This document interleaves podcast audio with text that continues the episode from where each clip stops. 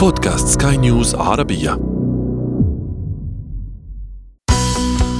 حياتنا.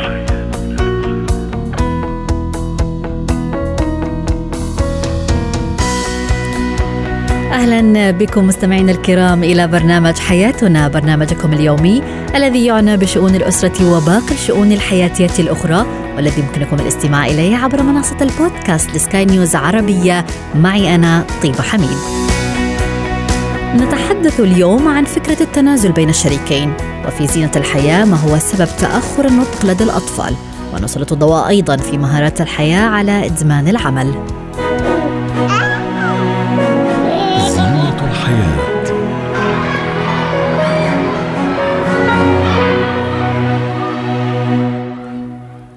يختلف النمو واكتساب المهارات من طفل إلى آخر. ومن ضمن تلك المهارات هي القدرة على النطق والكلام. فقد يستغرق الأطفال الذين يعيشون في منزل ثنائي اللغة وقتا أطول ليتعلموا تحدث أي من اللغتين. وأحيانا ما يتكلم الأطفال الصغار في عائلة ذات أشقاء أكبر متأخرا لأن الأخوة الأكبر قد يتحدثون نيابة عنهم. وعلى الرغم من أن تأخر الكلام عند الأطفال يمكن أن يشير إلى تأخر في النمو أو مشكلة جسدية إلا أنه في حالات أخرى قد ينتج عن مشاكل بسيطة وغير مرضية. هذا إذا ما سوف نتحدث عنه مع فادية دعاس الخبيرة التربوية.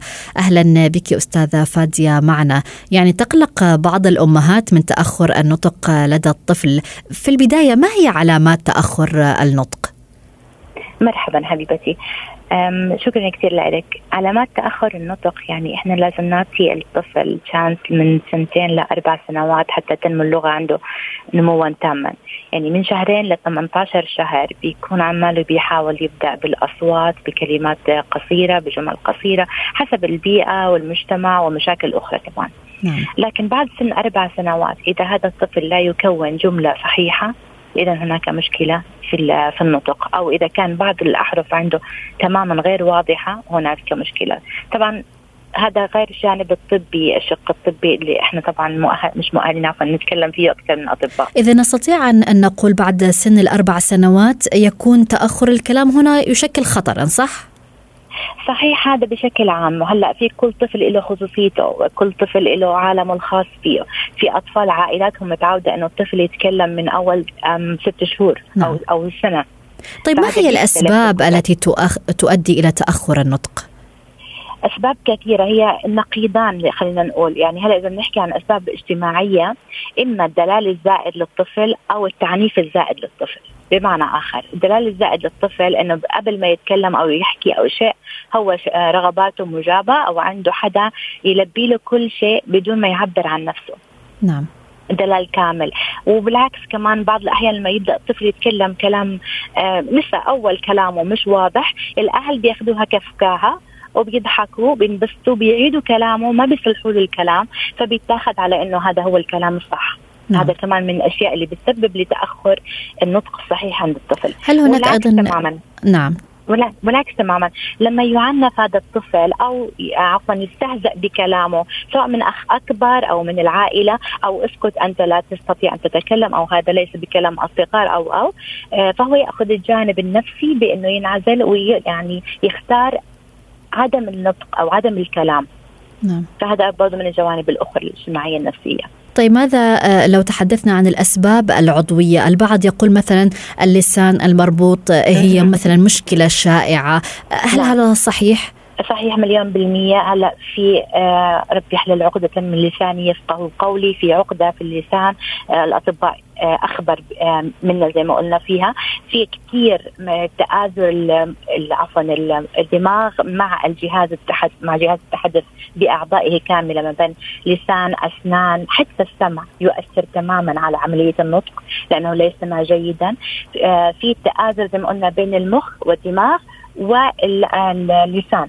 يمكن نعم. عفوا ما توصل الإشارات التفاعلية اللي بين الدماغ آه، وخصوصا إحنا بدنا نحكي هلأ نرجع لقصة حلوة كثير إنه الرجال فقط أو الذكور فقط عندهم آه، اللغوي أو المركز اللغوي العصب اللغوي في الجزء الأيسر والإناث عندهم الحمد لله رب العالمين في الأيسر والأيمن نعم. فعادة تكون هذه المشاكل ظاهرة زي ما قلنا قبل مع الذكور فنعم هنالك أسباب كثيرة كثيرة آه، عدم النطق نهائيا هذا سبب طبي مليون بالمية. بعض المشاكل في النطق منها أسباب طبية نعم. منها اللسان والأسنان كما قلنا والسمع وبعضها الآخر لا اجتماعية نفسية. طيب كيف أساعد اليوم طفلي على الكلام؟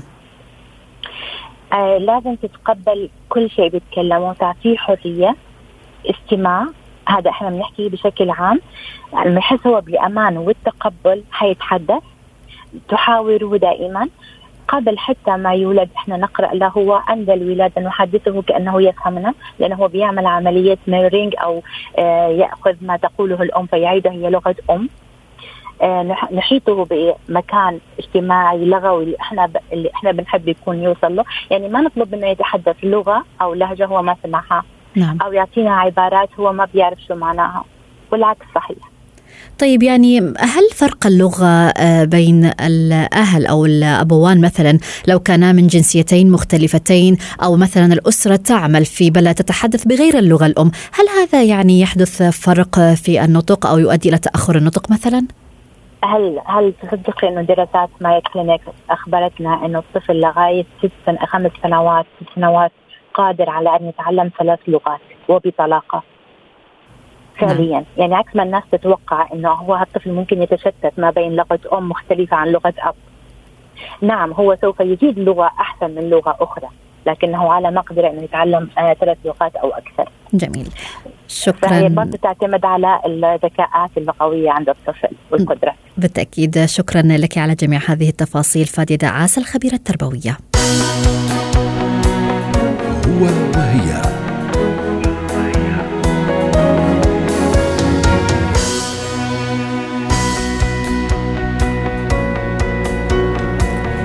للحياة بين الشريكين متطلبات كثيرة كي تستمر بطريقة مرضية للطرفين. المرونة في التعامل في هذه العلاقات تعد واحدة من هذه المتطلبات، وذلك لأنها تكفل حل المشاكل بين الشريكين دون إرهاق أو التأثير على علاقتهما مع بعض. انطلاقا من هنا طرحنا السؤال التالي على مواقع التواصل الاجتماعي لسكاي نيوز عربية فيسبوك إنستغرام تويتر. كيف يكون التنازل بين الشريكين ومتى؟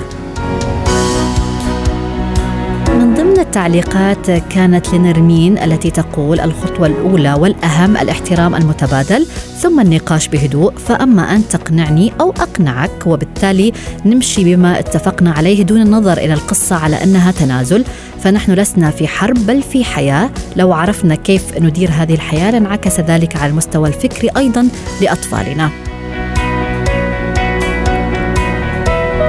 أحد المشاركين أيضا قال هناك نوع بغيض من التنازل الذي يأتي بمساومات ومقايضات ويكون غالبا معه الاحتقار بين الطرفين. يجب أن نحدد نوع التنازل. هناك تنازل روتيني يومي لتفادي بعض المشاكل اليومية وهناك تنازل مبني على التضحية. أيضا مشاركة أخرى تقول التنازل يجب أن يكون متبادل بين الطرفين والحب هو الدافع للتنازل. أما عصام فقد قال التنازل يأتي عندما نخاف أن نخسر شريك الحياة. إذا للحديث عن هذا الموضوع تنضم لنا أمل رضوان الاستشارية النفسية والأسرية.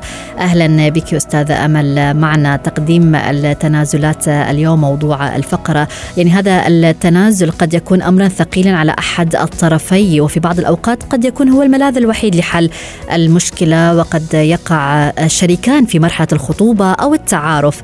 في هذا الفخ قد لا يعرفون هل يقدمون التنازل أم لا.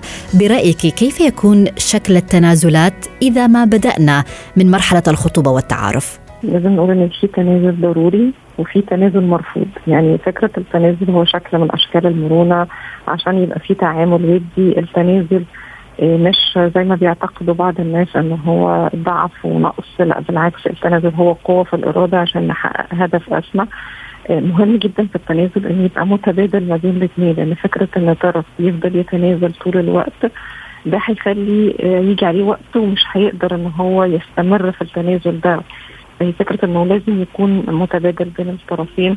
آه، التنازل أمر ضروري وحتمي في العلاقات الإنسانية بشكل عام آه، وتحديدا وبخاصه في العلاقات الزوجية عشان تستمر. لو إحنا اتكلمنا عن فترة الخطوبة هما بيبقى طبيعي لازم يكونوا متفهمين إن الآخر مختلف. يعني هو ربنا سبحانه وتعالى خلق الذكر والأنثى مختلفين عشان كل إنسان له دور في الحياة.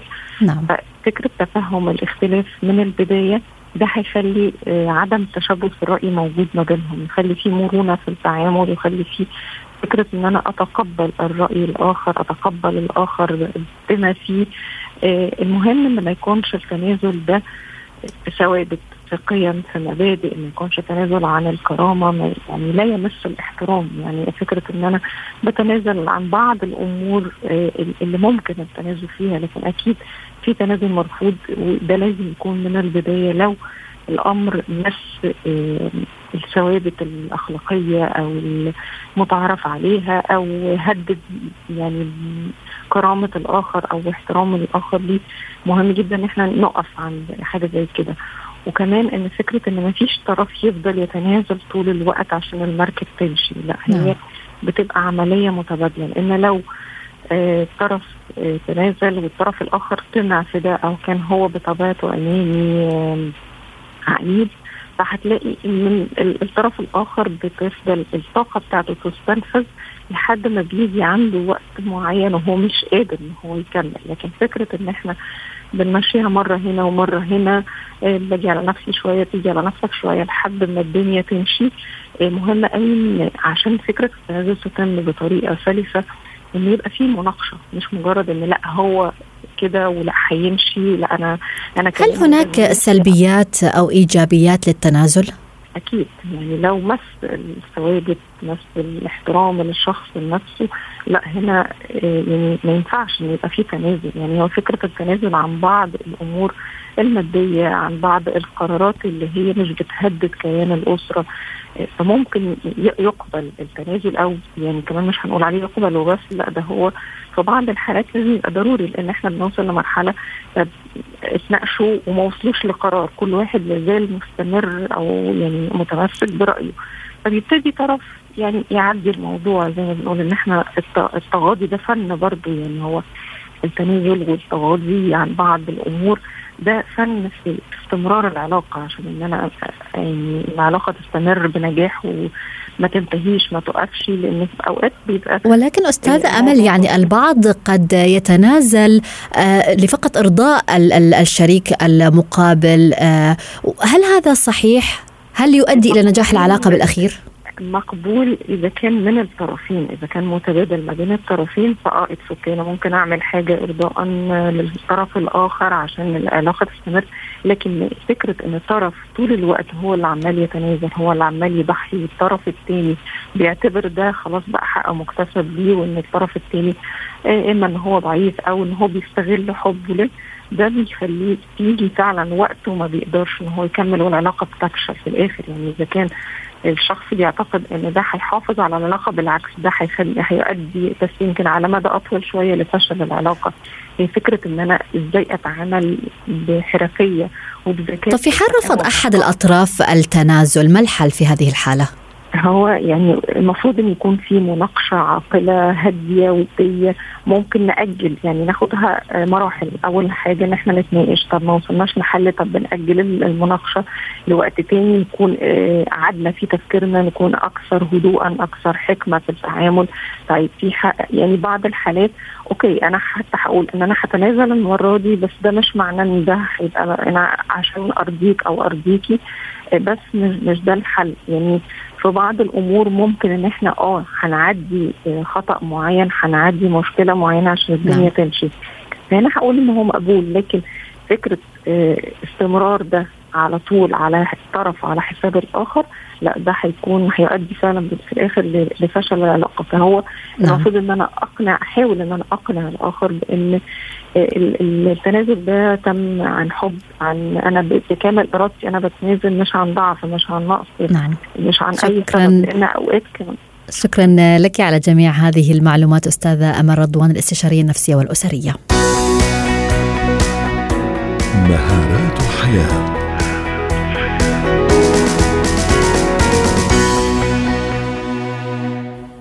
يؤدي الافراط في العمل إلى مشكلات نفسية مختلفة، يحتاج إلى علاج فعال بالتأكيد من أجل استعادة التوازن المطلوب بين مهام العمل وجوانب الحياة الأخرى. كثيرا ما يستخدم المدمنون على العمل الشغف كعذر لهم، فيعتبرون أنفسهم مثلا شغوفين جدا بوظائفهم ويستخدمون عبارات كمثلا أعثر على وظيفة تحبها ولن تضطر للعمل اطلاقا طوال حياتك، لكن يجدر التنويه أيضا إلى أن هناك فرق فرق كبير بين الشغف والإدمان على العمل وهذا ما سوف نتحدث به مع فاتن سلامة مدربة مهارات الحياة. في الوقت الذي يرتبط فيه الشغف بالعمل الحاد نجد أن الإدمان على العمل قد يسبب مشاكل كثيرة للشخص. كيف نميز اليوم بين الشغف والهوس في العمل؟ الشغف هو الحاجة اللي أنا بعملها من غير أي مجهود والحاجة دي بتديني متعة. بحس بالاستمتاع ولكن في دراسة يابانية أكدت إن 20% من الناس اللي بيسموا نفسهم workaholic أو مدمنين على العمل الناس دي بتواجه خطر الموت من الإرهاق من كثرة العمل. يعني لو هم شغوفين لو أنت شغوفة بحاجة مش هتحسي بالإرهاق ولكن إدمانك على العمل وده اللي أكدته دراسة اتعملت في جامعة جورجيا أكدت إن الناس المدمنين عن العمل هم الموضوع بيكون معاهم زي ما يكون curve ال curve بيبدأ اللي هم آه، جديد في الشغل عايز يثبت نفسه بيشتغل عدد ساعات أطول ما إلى ذلك وبعدين بيبدأ الكيرف ينزل فبيصبح المدمنين عن العمل أقل إنتاجية من الأشخاص اللي بي بيداوموا ساعات عمل عادية وبيكون لديهم أسلوب أكثر صحة نعم. وأسلوب في الحياة أكثر فاعلية وإنتاجية وبيكونوا أشخاص اجتماعيين. من هم الأشخاص المدمنون على العمل؟ يعني ما هي صفاتهم؟ الشخص المدمن عن العمل مش لازم هو يكون physically موجود في الشغل انت ممكن تكوني قاعدة معايا أنا شخص مدمن عن العمل كفاتن وقاعدة معاكي خارجين مع بعض على طول بشوف ال emailات بتاعتي كل كلامي بيكون متعلق بالشغل حتى في ال day off بتاعي بفضل آه، متواصلة مع الشغل سواء mentally أو physically هؤلاء هم الأشخاص اللي إحنا بنسميهم مدمنين عن العمل يعني ما بيعرفوش يعملوا disconnection ما بيعرفوش يفصلوا نفسهم من عن الشغل سواء بالتفكير أو الذهاب للشغل أو الاتصال أو التواصل مع زملائهم في العمل أو نعم. الاطلاع على آخر المستجدات التي تحدث في العمل وما إلى ذلك. طيب يعني إذا ما تحدثنا عن سلبيات الإدمان على العمل من الناحية الصحية أيضا والمهنية ماذا نقول؟ أنا أنا أنا لست طبيبة عشان أتحدث عن ده ولكن أنا بشوف ناس كتير جدا كلاينتس جايين لي بيقولوا لي إحنا ما عندناش work life balance ما فيش balance ما فيش اتزان ما بين حياتي وبين وقد يؤدي أيضا إلى التوتر صحيح؟ التوتر. من أهم حاجة الحاجات اللي بتميزهم طبعا أو اللي بيترتب على إدمانهم للعمل الإرهاق. ال anxiety قلة النوم ما بيقدروش يناموا بشكل آه، طبيعي. بعد فترة طويلة بيكون عندهم مشاكل في التواصل خصوصا مع محيط أسرتهم لأن هو قاعد مع بنته أو ابنه ومخه دايما بيفكر في الشغل. فتيجي بنتي تسألني عن شيء ابني عايز يلعب معايا ببدأ أتوتر ببدأ أتعصب عليها. بيؤثر سلبيا بصورة كبيرة جدا الإدمان على العمل وعدم آه، تخصيص ساعات معينة آه، اللي هو بنسميها quality time مع نعم. الأسرة أو مع الأصدقاء. عشان أفرغ يعني أفرغ الطاقة اللي جوايا أو أفرغ ال depression أو التوتر أو القلق في شيء آخر ده بيؤدي إلى مخاطر نفسية كثيرة جدا. طيب كيف نعالج أستاذة فاتن هذا الموضوع فكرة الإدمان على العمل؟ لما بيجي لما بعمل كوتشنج لمجموعات أو أفراد متأكدة وعارفة إن هم عندهم ادمان على العمل. أول حاجة أنا كمدمنة على العمل لازم تؤدمت لازم أعترف إن أنا شخص مدمن عن العمل. لازم أعترف إن أنا شخص مقصر في حق أسرتي أو مقصر في حق نفسي في المقام الأول.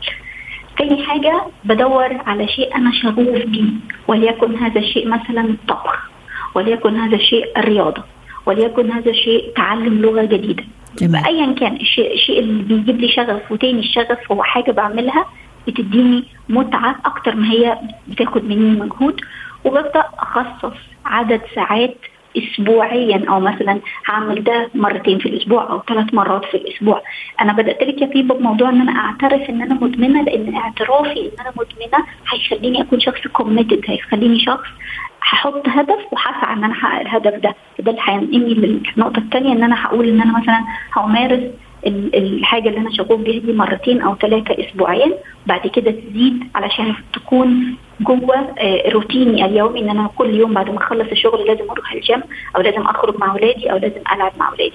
ثالث حاجة لازم أتواصل مع أصدقاء بعيدا عن مجال العمل. يعني لازم يكون عندي أصدقاء وليسوا زملاء العمل، لازم يكون عندي أصدقاء في مجالات أخرى. لما بنخرج مع بعض كلنا بنتحدث في أشياء أخرى ليست لها علاقة بالعمل. فده بيخليني أنا منتلي أو عقليا أفصل تماما عن العمل. رابع حاجة بنقول دايما في يوم الأوف بتاعك حاول على قد ما تقدر إن أنت ت switch off ال notifications أو ال ال مثلا لو أنت على جروب واتساب مع الشركة بتاعتك أو الإيميلات أو ما إلى ذلك مش لازم تقعد تcheck عليها ما فيش أي حاجة هتحصل إلا لو شيء urgent هم هيتكلموا هيتصلوا بيك فبالتالي ده بيخليك تحترم وقتك اللي أنت مخصصه لنفسك ومش هتفضل كل شوية تcheck على إيه الإيميل اللي بعد إيه ال message اللي جاتني من مديري كتبوا إيه على على جروب الواتساب. عفوا خامس حاجة ودي آه، تعتبر هي أهم حاجة ال meditation إن إحنا لازم نعمل meditation آه، يعني إن إحنا نتخلص من كل التوتر لأن الناس اللي هي بتكون مدمنة عن العمل بيتخيلوا خطأ إن إدمانهم على العمل أو ذهابهم إلى العمل عدد ساعات أكثر أو إن هم بيشتغلوا عدد ساعات أكثر ده بيحسن من الإنتاجية ولكن ده خطأ ده بيؤدي إن هم بيكونوا أكثر عندهم anxiety وعندهم توتر وعندهم إرهاق.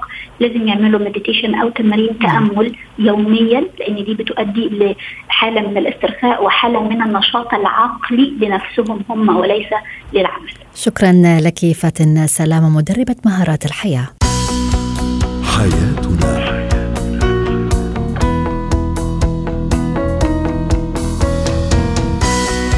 نصل وإياكم مستمعينا الكرام إلى ختام برنامج حياتنا. حياتنا.